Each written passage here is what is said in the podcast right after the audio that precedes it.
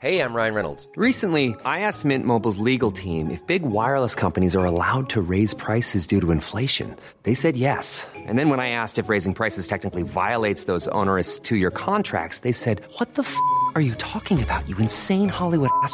F- So to recap, we're cutting the price of Mint Unlimited from $30 a month to just $15 a month. Give it a try at mintmobile.com slash switch. $45 upfront for three months plus taxes and fees. Promo rate for new customers for limited time. Unlimited more than 40 gigabytes per month. Slows. Full terms at mintmobile.com.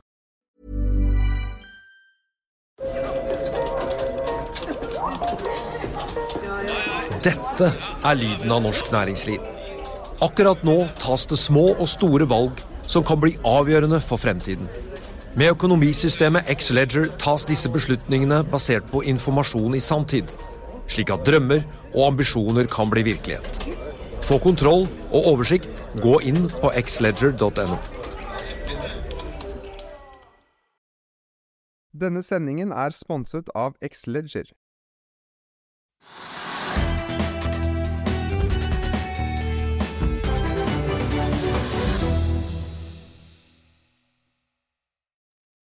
En riktig god torsdag og velkommen til Økonominyhetene på denne 5. januar her fra NHOs årskonferanse i Oslo Spektrum i Oslo sentrum, får vi si. Der næringslivet også sparker i gang det nye året 2023. Vi har en tettpakket sending klar eh, til deg. Litt senere så hører du fra sjefen i restaurant- og kantinekonsernet Furseth Gruppen som eh, forteller hva de forventer eh, i, eh, for 2023 etter da en veldig sterk avslutning på 2022 etter at pandemien var får vi si, over og julebordsesongen gikk for fullt og fulle hus. Vi får også med oss NHOs sjeføkonom og en Nordea-direktør som deler sitt syn på hva bedriftene og børsene vil oppleve i starten av det nye året. Og Så kommer finansministeren og vi spør om flere næringer utover laks og kraft kan forvente seg nye skatteskjerpelser i år. Men vi må begynne med noen nyheter som har kommet eh, i markedet og her i dag, og også ta en kjapp titt på hvordan det ser ut på børsen. Hovedindeksen på Oslo Børs eh, ligger nå opp eh, rundt en halv prosent i dag, etter da to sure dager. Norwegian tikker oppover en 0,7% i dag, etter sine trafikktall har falt noe tilbake fra den toppen vi så. Vi ser også at bilfraktselskapet Graham Car Carrier stiger drøye 2,5% etter at Nordea tok opp dekning med en kjøpsanbefaling og da to, setter et kursmål på 235 kroner. Den aksjen ligger nå på 160. Så har også Kepler Chevrolet økt kursmålet sitt på Nordic Semiconductor. Den aksjen tikker oppover nesten 1 i dag.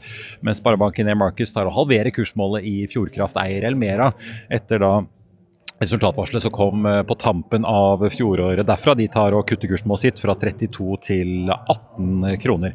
ABG tar for øvrig ned eh, sats fra kjøp til hold, og den aksjen er opp et par prosent eh, i dag. Det som har skjedd her i dag på konferansen, er at Tysklands visekansler Robert Habeck har vært gjest og snakket om tysk og europeisk energipolitikk og energikrise, får vi si. Equinor og Yara har begge annonsert nyheter i den sammenheng. Equinor har inngått en intensjonsavtale med tyske RVE om å hjelpe Tyskland da med å fase ut kull. De to skal etter planen i hvert fall bygge ut gasskraftverk som etter hvert skal fôres med hydrogen fra Norge gjennom rør, og etter hvert da også drives med havvind som skal produsere hydrogen til disse kraftverkene. Yara skal også satse på det grønne skiftet i Tyskland, og vi skal begynne med Yara-sjefen selv, som også er NHO-president. Vi er straks tilbake med Svein Tore Holsæter. Da har vi fått med oss NHO-president og konsernsjef i Yara, Svein Tore Holsæter. Får vi si rett av podiet her på NHOs årskonferanse. Jeg tenkte alle, Vi skal snakke litt om konjunkturen i 2023, men jeg vil begynne med den nyheten som dere har kommet med i dag i forbindelse med at uh, Tysklands visekansler Robert Habeck er på besøk både her på konferansen og i landet. Dere skal altså bygge om uh, to av terminalene deres for ammoniakk i Tyskland til å ikke bare eksportere ammoniakk, men også importere. Ammoniakk kan jo brukes til å frakte hydrogen. Fortell litt hva det dere gjør og forbereder dere på nå? Det vi jobber nå er jo å støtte opp rundt uh, Tysklands strategi om å bruke hydrogen som en del av uh, reduksjonen av klimagassutslippene i Tyskland. Og da må de ha hydrogen. Og så må man få hydrogenet inn. Og ammoniakk er jo en fantastisk hydrogenbærer. altså skal transportere hydrogenet. Og vi har fabrikker, vi har terminaler allerede i Tyskland. Vi har Yara Clean Ammonia som vi, vi jobber med, med, nå. Vi har en flåte som kan transportere ammoniakk. Og da eh, ser vi også mulighetene nå for at vi kan være med og bidra til det og med, med rask omstilling også. og Derfor har vi annonsert i dag en eh, femdobling av kapasiteten vår i forhold til da, å frakte ammoniakk faktisk inn til eh, Tyskland. og Ikke bare for våre egne fabrikker, men da for å være med å bidra i den omstillingen som Tyskland nå skal gjennom. Hvor mye penger legger dere i dette? her da? Det er, det er ikke store, enorme investeringer eh, det her, så her er det mer i selve forretningsmulighetene å legge til rette. og Det er jo det som er så uh, utrolig spennende med ammoniakk, det er det at det er tilgjengelig i dag. altså Det finnes en infrastruktur i dag for å legge til rette for hydrogen. Uh, og, og, Det er den forretningsmuligheten som vi vil bygge på i Yara Clean Ammonia. Altså. Ja, for Dere har jo vært ute og hatt kapitalmarkedsdag, sagt at dere potensielt skal børsnotere Yara Clean Ammonia. Dere jobber jo veldig intenst med å bygge dette opp, vi kan vel nesten kalle det et nytt forretningsområde. Fra dagens naturgassbaserte, ganske CO2-intense av ammoniakk og hydrogen til en utslippsfri en med da enten elektrolyse eller CO2-lagring. Mm. Hvor, stort er, hvor stor er etterspørselen da? For det er vel kanskje også det mange av investorene potensielt i et Yara Klinemania går og venter på. Når er det da Tyskland faktisk vil kjøpe store volumer? Dere sier dere skal være klare, men at dere skriver meldingen skal være avhengig av hvor mye som trengs. Ja, Så hvor ja, det, mye trengs? Ja, Det må jo komme nå, da. ikke sant? Og, og, og, da handler det om at vi er tidlig ute og legger til rette. og at vi sier at ja, infrastrukturen, vi har veldig mye av det. Vi bygger videre for å støtte opp rundt det. Tyskland er et viktig land. Jeg var i i Japan eh, i eh, november. og Når du ser hvordan det snakkes nå om hydrogen, grønt og blått, eh, og ammoniakk, og hvordan det også skal være med å redusere utslippene fra deres energisektor, så er det også viktig der. Men vi er klare, men så er det viktig at det kommer en etterspørsel også. Men, men, men det er jo den fleksibiliteten vi har i vårt system. Dette er bygd opp rundt gjødsel. Hvem skulle tro at vi var inne i energisektoren fra, fra Yaras side, men det handler om å gripe mulighetene si hva som er mulig, og gjøre investeringene og legge til rette. Og så må etterspørselen eh, komme, selvfølgelig, og det må den jo. Skal vi nå klimagass, eller klimamålene i Parisavtalen, så må jo det her skje. Så det må jo komme. Tør du å spå om dette blir et uh, eget uh, uavhengig børsnotert selskap i år eller ikke? Ja, det er ikke så viktig akkurat nå med timingen ja. på det. Det viktigste er hva vi gjør, og, og, og vi bremser ikke på noe.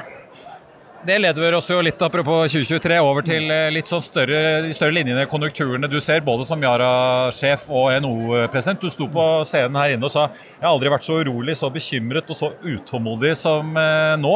Ja.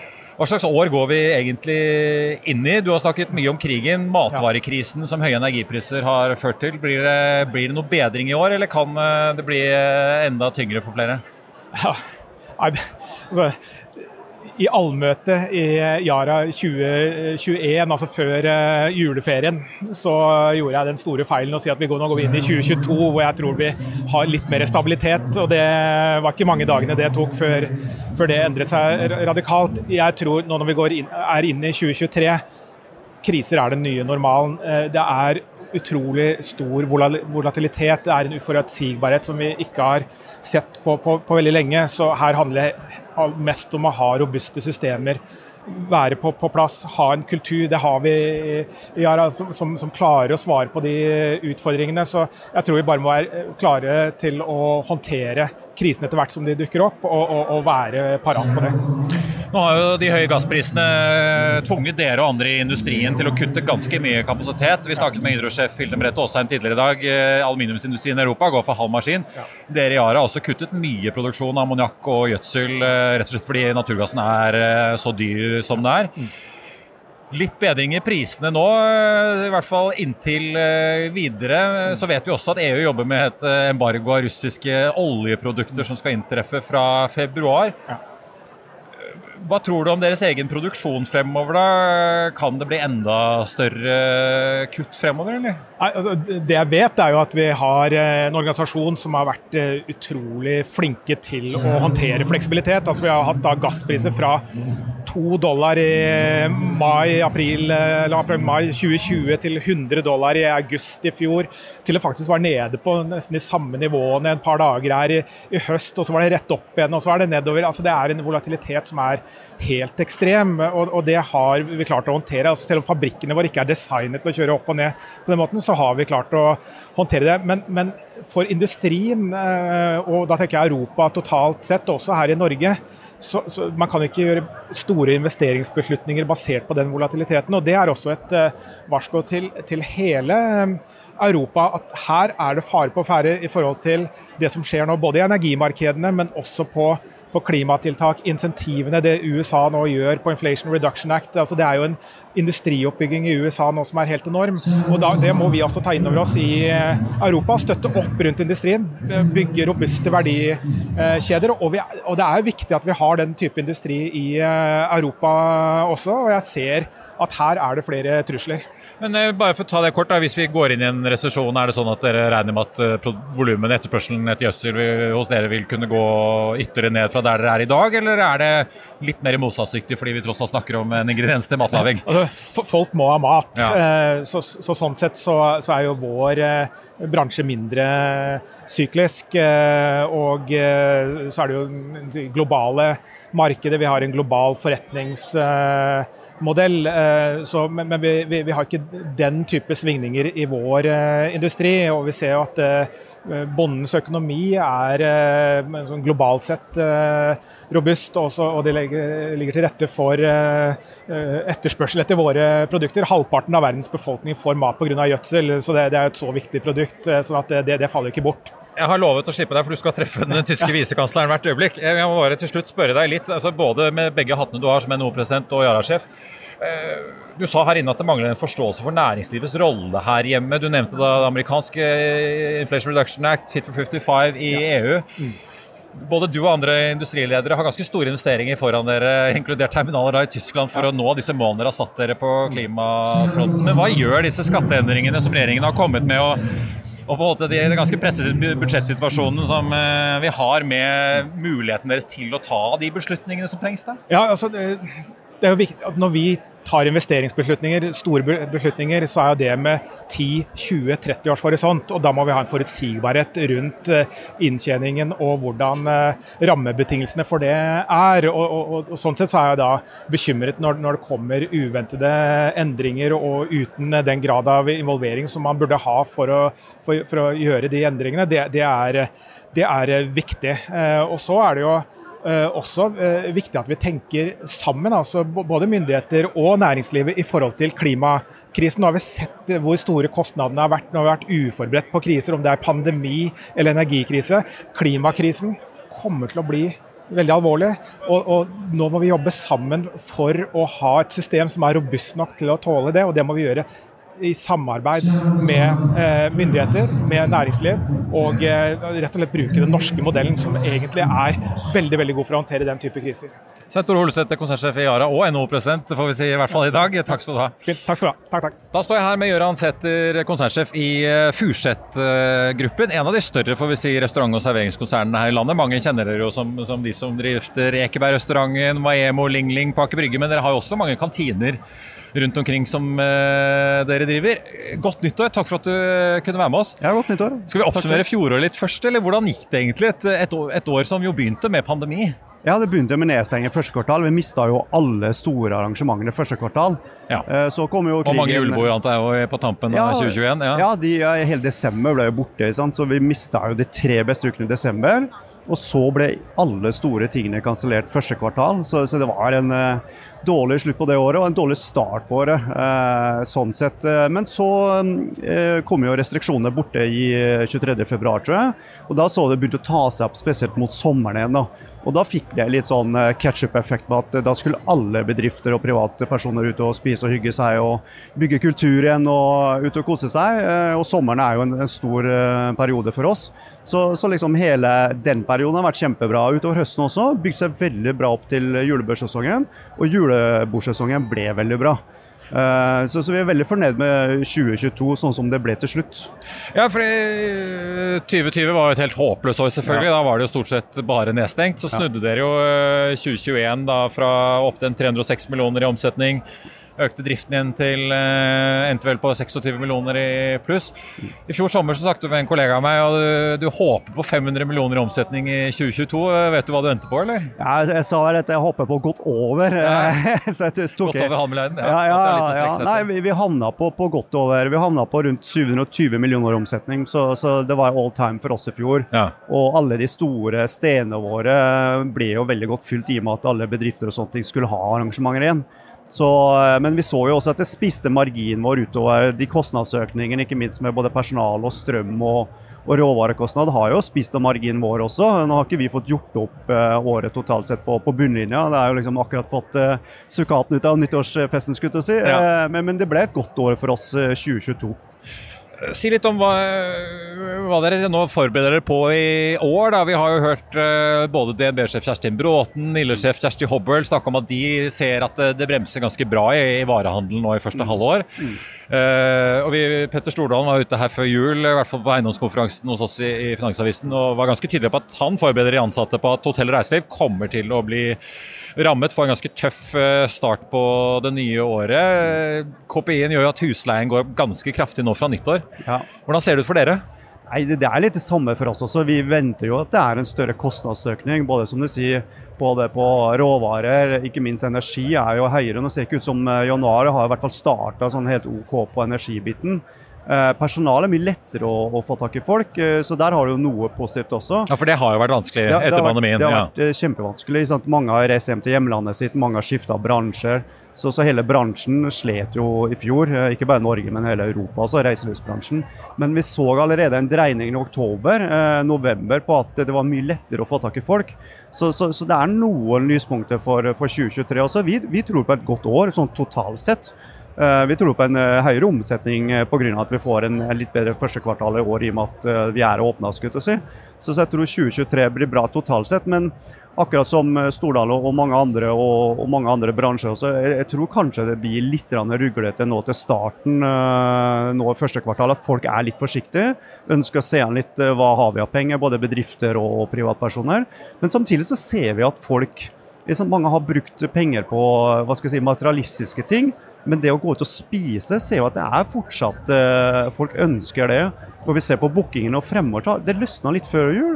Og nå, nå har vi jo så vidt kommet i gang, også, men vi ser det er mye bursdager. Det er mange selskaper som fortsatt skal ha årsfesten sin nå i begynnelsen av året. og sånne ting.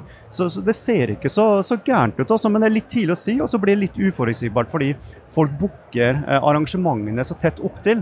Så, så det Litt som flyselskapene merker at folk Ja, eh, booker flybilletten tett ja, tett opp til avreise. Det er helt Ja. riktig. Og vi så jo i oktober så hadde vi et ekstremtilfelle. Det var en bedrift på 1000 personer som skulle ha et arrangement. De booka det to uker før. Altså Da ble det vanskelig å sette prognosene. Så, så, men, men vi tror folk er kanskje litt forsiktige, men så ser de at vet du hva, vi må ut og bygge kultur, og vi må ha noe sosialt med jobben, og venner skal fortsatt ut og spise og sånne ting. Så, så totalt sett så tror jeg vi får en god start.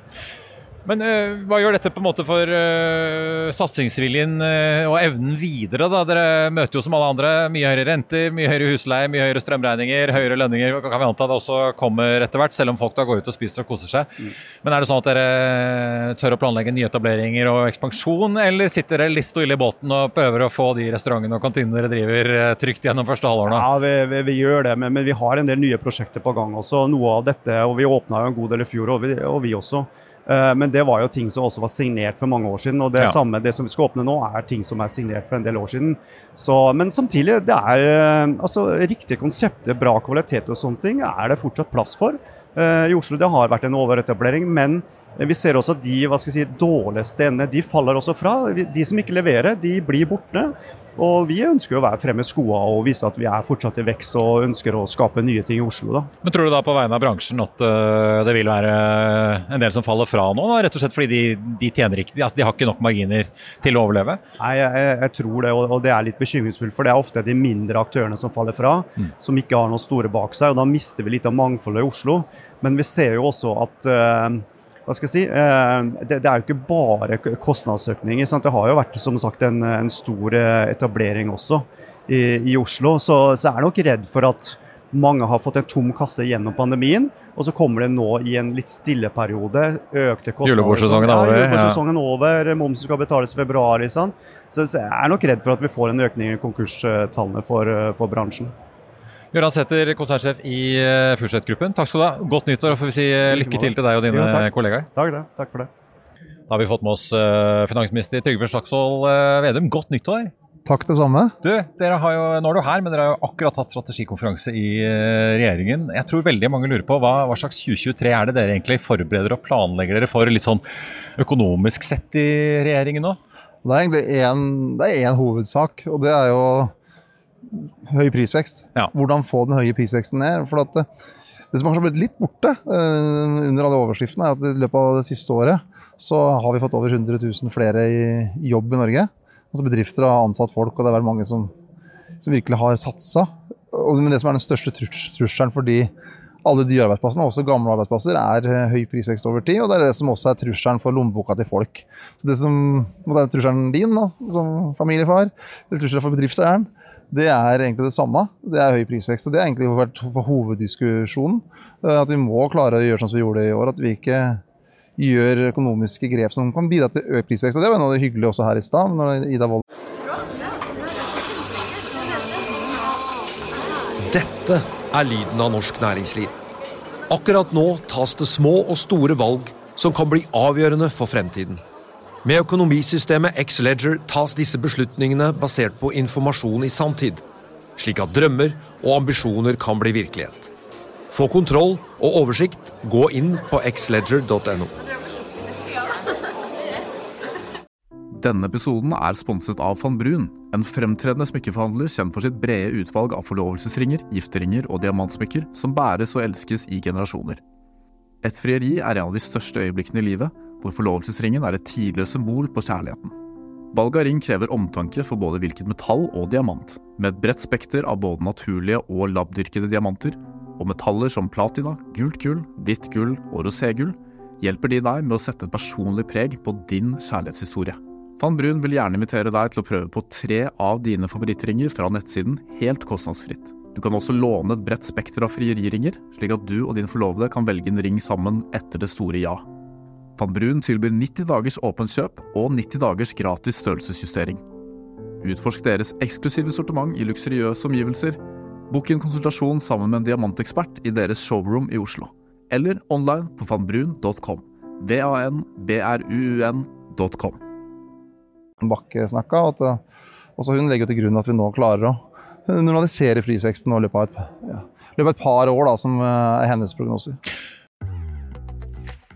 Vil du bli oppdatert på det viktigste som har skjedd innen finans og næringsliv? Da er det bare å følge med, for hver morgen er jeg, Marius Lorentzen og aksjekommentator Karl Johan Malnes på plass i studio for å ta tempen på dagens marked i Børsmorgen. Og hver ettermiddag oppsummerer vi alt du trenger å vite i økonominyhetene, og det blir selvfølgelig masse interessante gjester.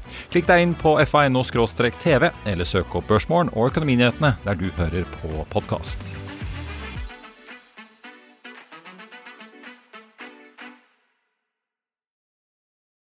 Ute i den store verden så snakkes det jo om resesjonsfare. Vi ser jo folk i varehandelen her hjemme er ganske bekymret, inkludert DNB-sjefen, for at uh, det er en del uh, deler av næringslivet nå som kan bli rammet av at folk flest må stramme inn.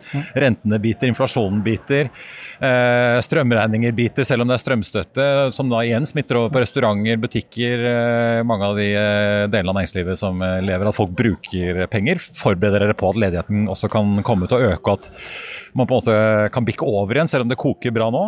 Altså Ledigheten nå er jo rekordlav, da, rundt 1,6 prosentpoeng. Så det er veldig veldig lav ledighet. og Som jeg sa i stad, 100 000 flere, litt over 100 000 flere i jobb. Men det som vi er selvfølgelig Vi kjenner på den uroen hele tida. For den vet jo at tidligere perioder, hvis man har hatt høy prisvekst lenge, så er det neste som skjer, og har vært da, at man har fått høy ledighet. Og Det er det som er jobben nå, å klare å unngå det. At det vil være litt svingninger, det vil det. men at men at det skal gå mest mulig stabilt for seg. Og så er det noe av de tallene som kom, kom, nå, at veksten i fjor ble høyere enn det vi hadde trodd. Altså at Aktiviteten i økonomien ble høyere i fjor enn det det, det så ut til lenge. Så, det, så, Når det bremser litt opp nå, så bremser det opp fra et nivå der aktiviteten er kjempehøy. Mm. Så det er sånn Hvis du kjører i 120 og du bremser til 110, så går det fortsatt fort. Selv om det gikk litt tregere? Ja. ja, ja så, så, Det er ganske viktig å huske det òg, at uh, nå er det veldig høy aktivitet, det er veldig høyt press. Så det at det er litt uh, oppbremsing, det er jo også ønska at det kan være litt for å nettopp dempe priser, dempe renter, få mer stabilitet. For vi vet at hvis man bare øker og øker farten, så kan det på et tidspunkt bli bråstopp. Og det er den bråstoppen vi for all del vil unngå. En, en viktig snakkis i fjor saktere, Da var det noen som så litt sånn sur på oss. Ja, ja, vi, skal, vi, får tone oss litt ned ja. mens de holder på der inne. Du, En av de store snakkisene i fjor var jo inndekningsbehovet. Plutselig fikk vi masse flyktninger fra Ukraina. Vi fikk en god del økninger i utgiftene til staten som dere måtte finne dekning på i statsbudsjettet. Eh, som igjen da drev frem en del av disse skatteøkningene som har kommet. Hvordan ser det bildet ut? Kan du ta oss litt inn i budsjettarbeidet Ja, det som pågår? jeg- Er det, kommer det sånne nye bølger med store indeksbehov som du må, du må finne penger til i år også? Nå kan jeg godt gå litt inn i. For Hvis du ser det som vi gjorde, Ta bedriftsbeskatninga først. da. Som I skatteforliket i 2015 så var det den satt på 23% Det var målet, og nå er den på 22 Og Det var viktig for meg også i høsten når jeg så at det her, nå er det krevende. Og Vi holder bedriftsbeskatninga helt uh, stabil, altså på 22 prosentpoeng. Så vi, gjorde jo ikke noen endringer uh, i det. Det. Og for privatpersoner så går jo inntektsbeskatninga er lavere i år enn den var i fjor. Så det store flertallet får faktisk mindre skatt, selv om debatten kan få inntrykk av noe annet eh, i år. Men du henter jo inn store summer fra kraft, eh, du henter noe fra laks og økt arbeidsgiveravgift. Ja, det er egentlig de tre, da. 000, det er jo primært de, men det er jo mange milliarder som kommer inn, særlig da fra kraft. Ja, spesielt kraft. Men, men har du det inndekningsbehovet i år? Ja, altså, men- kraft drar vi også med oss. Mm. Altså, mm. kraft, Når de har de skyhøye inntektene som de har nå, så mener jeg at det var riktig at de bidrar mer. Uh, og så har vi sagt med det høyprisbidraget at det skal være midlertidig. Og så får vi håpe at kraftprisene blir mer midlertidige. Vi jobber jo veldig for å få, for å få strømprisene ned. Men det der, eh, så det, de to næringene som fikk, reelt sett fikk mer skatt i fjor, da, uh, eller i år, det er jo kraftnæringa som har veldig, veldig høye overskudd. enormt overskudd. Og så er det den lange debatten om grunnrenteskatt på, på havbruk. Og det mener jeg er rett, da. Eh, Ja. At, at de skal bidra litt mer. jeg, jeg lurer på, liksom, men Sitter du nå og ser at oi, her kommer vi til å mangle I fjor, Da budsjettet ble lagt frem i fjor høst, snakket vi om 100 milliarder. Ja. Sitter du nå og ser oi, vi trenger faktisk eh, budsjett som skal legges frem til høsten, så- nå trenger vi 40 til. Altså, eller, Nei, altså, også poenget, og Hvis du ser på de skattegrepene vi, vi gjorde, så er det, det er skatteforliket fra 2015 som ligger til grunn. Altså for bedriftsbeskatning. Også på formuesbeskatning. Det nivået vi nå ligger på der, er i samsvar med det som lå i skatteforliket. Vi ligger med en lavere formuesbeskatning og mye lavere bedriftsbeskatning enn Nå var Jens Stoltenberg og snakka i stad, da var Ja, bedriftsbeskatningen da på- ja. Ja, da, var, da var den på 28% Så vi ligger med en mye lavere beskatning eksempel på bedrifter nå enn da. Og målet vårt er jo å holde oss til det som var skatteforliket. Men du økte jo skattene primært da på kraftsektoren, Ja. og du viste det ganske konkrete utgiftsøkninger. Mm. Eh, men eh, får du en ny runde med det, eller altså altså Poenget er at vi ønsker mest Eller vil du ikke si det, Nei, nei, nei, nei, nei. Nei, det er også, også ønsker stabilitet. Mm. Altså, men kraftsektoren er helt spesielt. Det er også veldig stor andel av eh, offentlig eierskap der. Eh, Og vi mener at det er riktig at når de store kraftselskapene gikk med så enorme overskudd, at man bidro mer til fellesskapet i den spesielle tida. Så bruker vi f.eks. eh, på den strømstøtte ulike ordninger for å få dempa ulempen med høye strømpriser. Det er nesten 50 milliarder kroner. Mm. Og det var For å finansiere noe av det, så mente vi at det var rett at også de som tjente pengene, bidro mer. Og så ville vi at folk som, har, ja, som tjener en million, tjener en lavere vanlige inntektsmottakere, skulle få lavere skatt, og det, det får de i år. Vi rekker ikke å gå inn i alle skattediskusjonene, men likevel NHO-presidenten Svein Tore Holsæter sa på scenen her at han opplever at det er en manglende forståelse for næringslivets rolle eh, i den situasjonen vi er i nå. Nå har jo da kraft- og laksenæringen fått eh, sine endringer. De over 750 000 øker arbeidsgiveravgiften. Eh, men mange i næringslivet går nok nå og lurer på kan det komme andre ting i år. Hva, hva sier du til det? Kan, det? kan andre næringer som gjør det bra risikere å få eh, endrete rammevilkår eh, på kort varsel? Det, veldig, det norske systemet er veldig, er veldig stabilt, og det kommer til å være stabilt også framover. Og så er det jo da, altså Når det gjelder grunnrenteskatt, så det var jo en offentlig tung utredning som var legget til grunn. Og så var det en diskusjon da den diskusjonen var sist.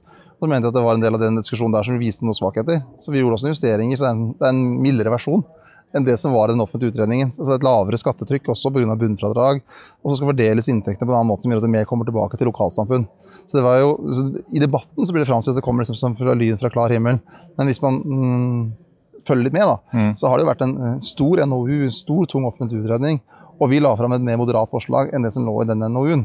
Men så skjønner jeg at det er de som får eh, Men skjønner at andre næringer da lurer på ja, men Det ligger ikke noen sånne store NOU-er på noen store nye ting. Altså det, det her er jo eh, helt spesielt for laksenæringa. Og så er det så er det ingen tvil om at norske eh, energipriser og strømpriser har vært skyhøye de siste to åra.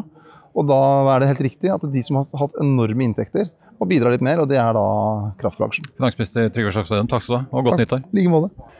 Da står jeg her med sjeføkonom i NHO, Øystein Dørum, og konserndirektør for Asset Management og Wealth Management i Nordea, Snorre Storseth. Godt nyttår begge to, og velkommen. Du må plukke opp mikrofonen, eh, Snorre, så vi har den. Og så skal jeg dele med Øystein.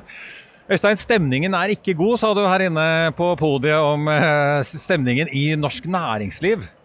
Si litt, eh, hva slags år er det egentlig du tror vi, vi går inn i nå? Jeg, jeg, tror jo vi går inn i et år som eh, vil være preget av at fjoråret var et særdeles vanskelig år. Eh, et år som jeg tror kommer til å kaste lange, lange skygger. Altså i sikkerhetspolitikken, i energipolitikken.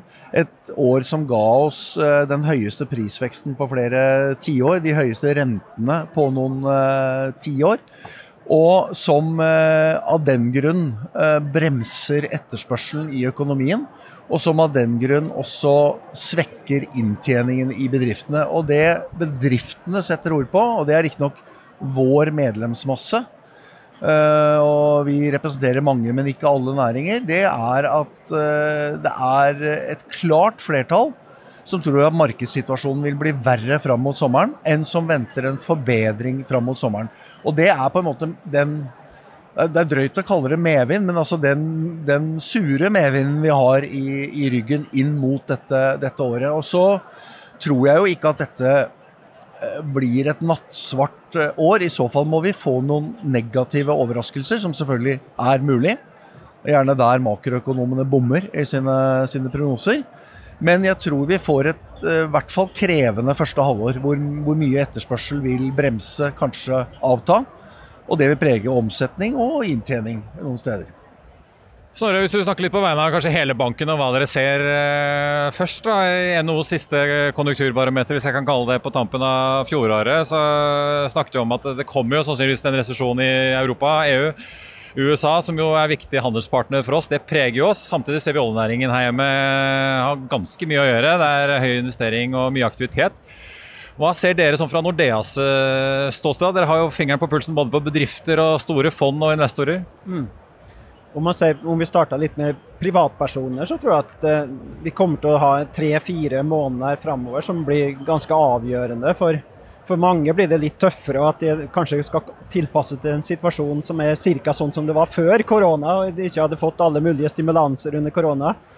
Og for, for noen så blir det jo veldig mye tøffere, og der de har behov for å ta en dialog, og vi oppfordrer også de til å ta en dialog med oss som bank, og jeg er helt sikker på andre banker gjør det samme.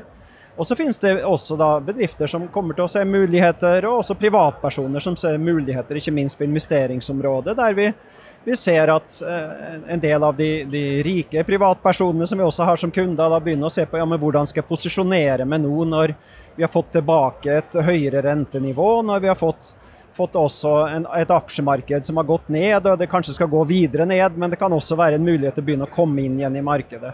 Så det er på en måte veldig mange ulike sjatteringer av det her, men, men, det som er felles, er vel at de neste tre-fire månedene kommer til å være veldig viktige for å få et tydeligere bilde av hvor vi er på vei, og hva det betyr også framover.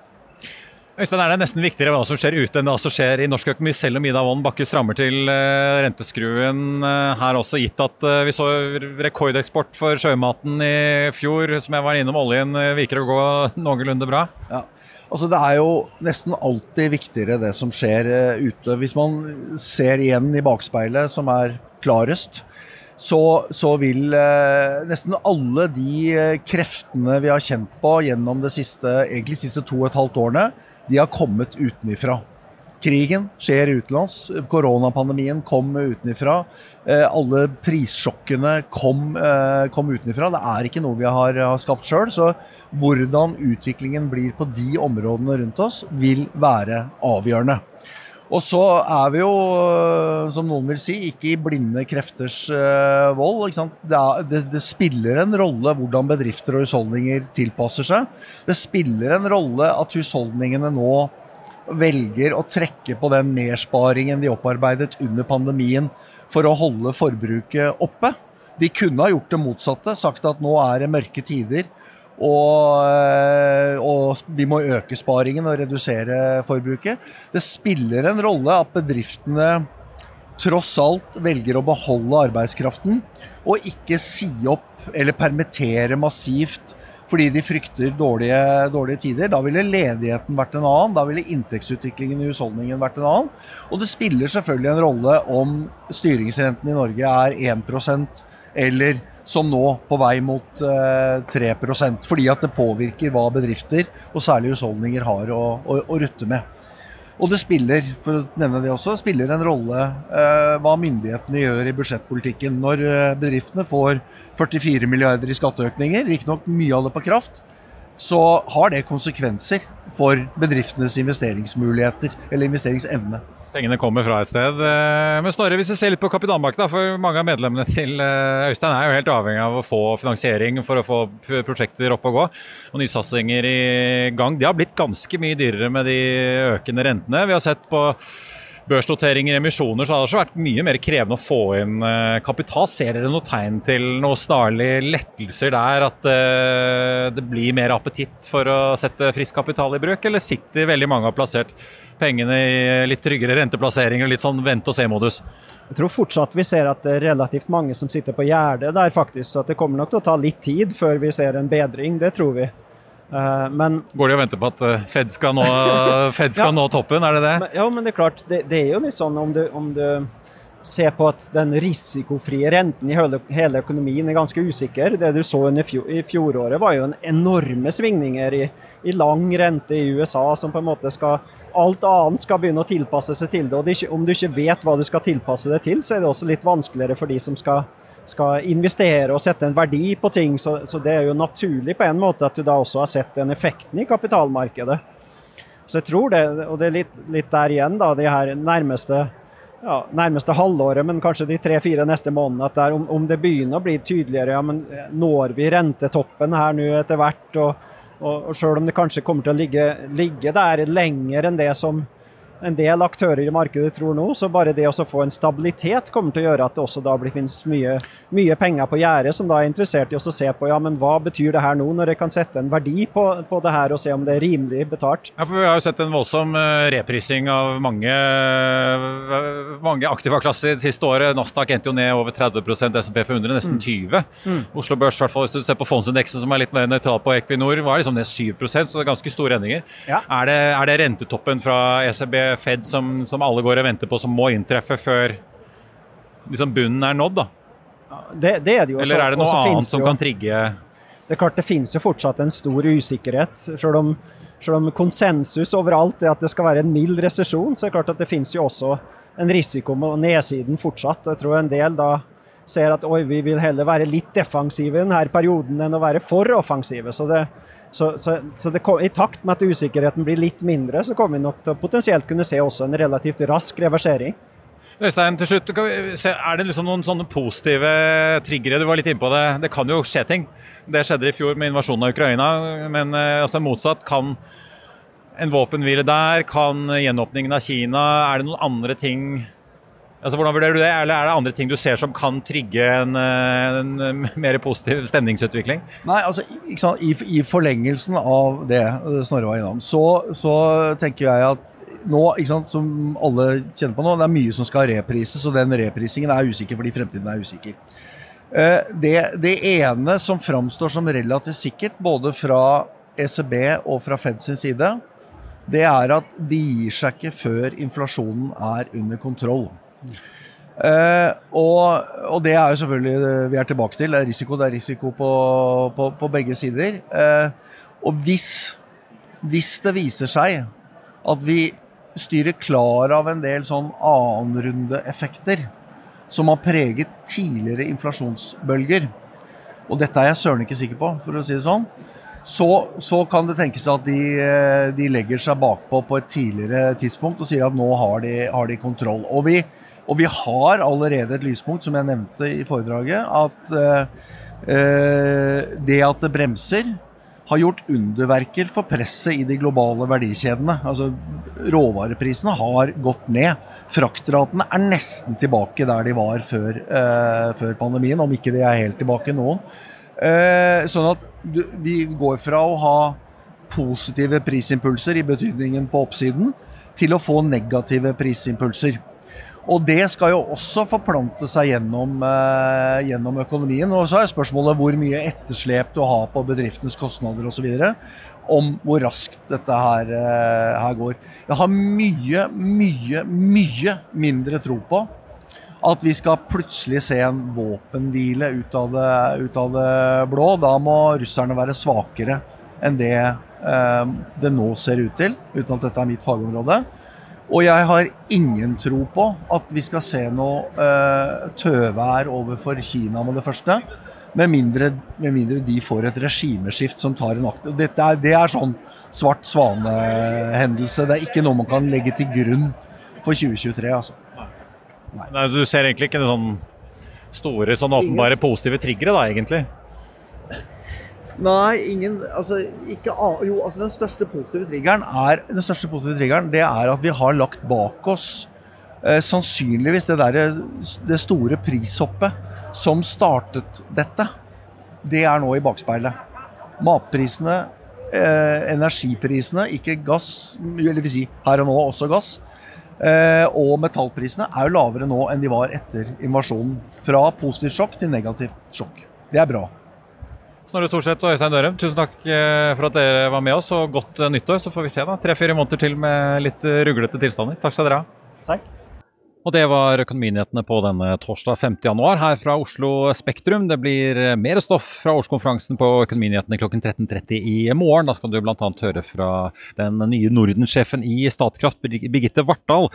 Og vi spør om hun vil bygge ut mer kraft i Norge, nå som regjeringen har slengt en ekstraskatt på toppen av eh, næringen. Husk også å få med deg Børsmorgen 08.55 i morgen. Da får vi besøk av den nye norgessjefen i meglerhuset ABG Sundal Collier, Christian Fyksen. Siste nytt om hva som rører seg økonomiens verden, det får du som alltid på fa.no. Mitt navn er eh, Marius Thorensen. Takk for følget her i Oslo Spektrum i denne omgang, og så håper jeg vi ses eller høres igjen i morgen.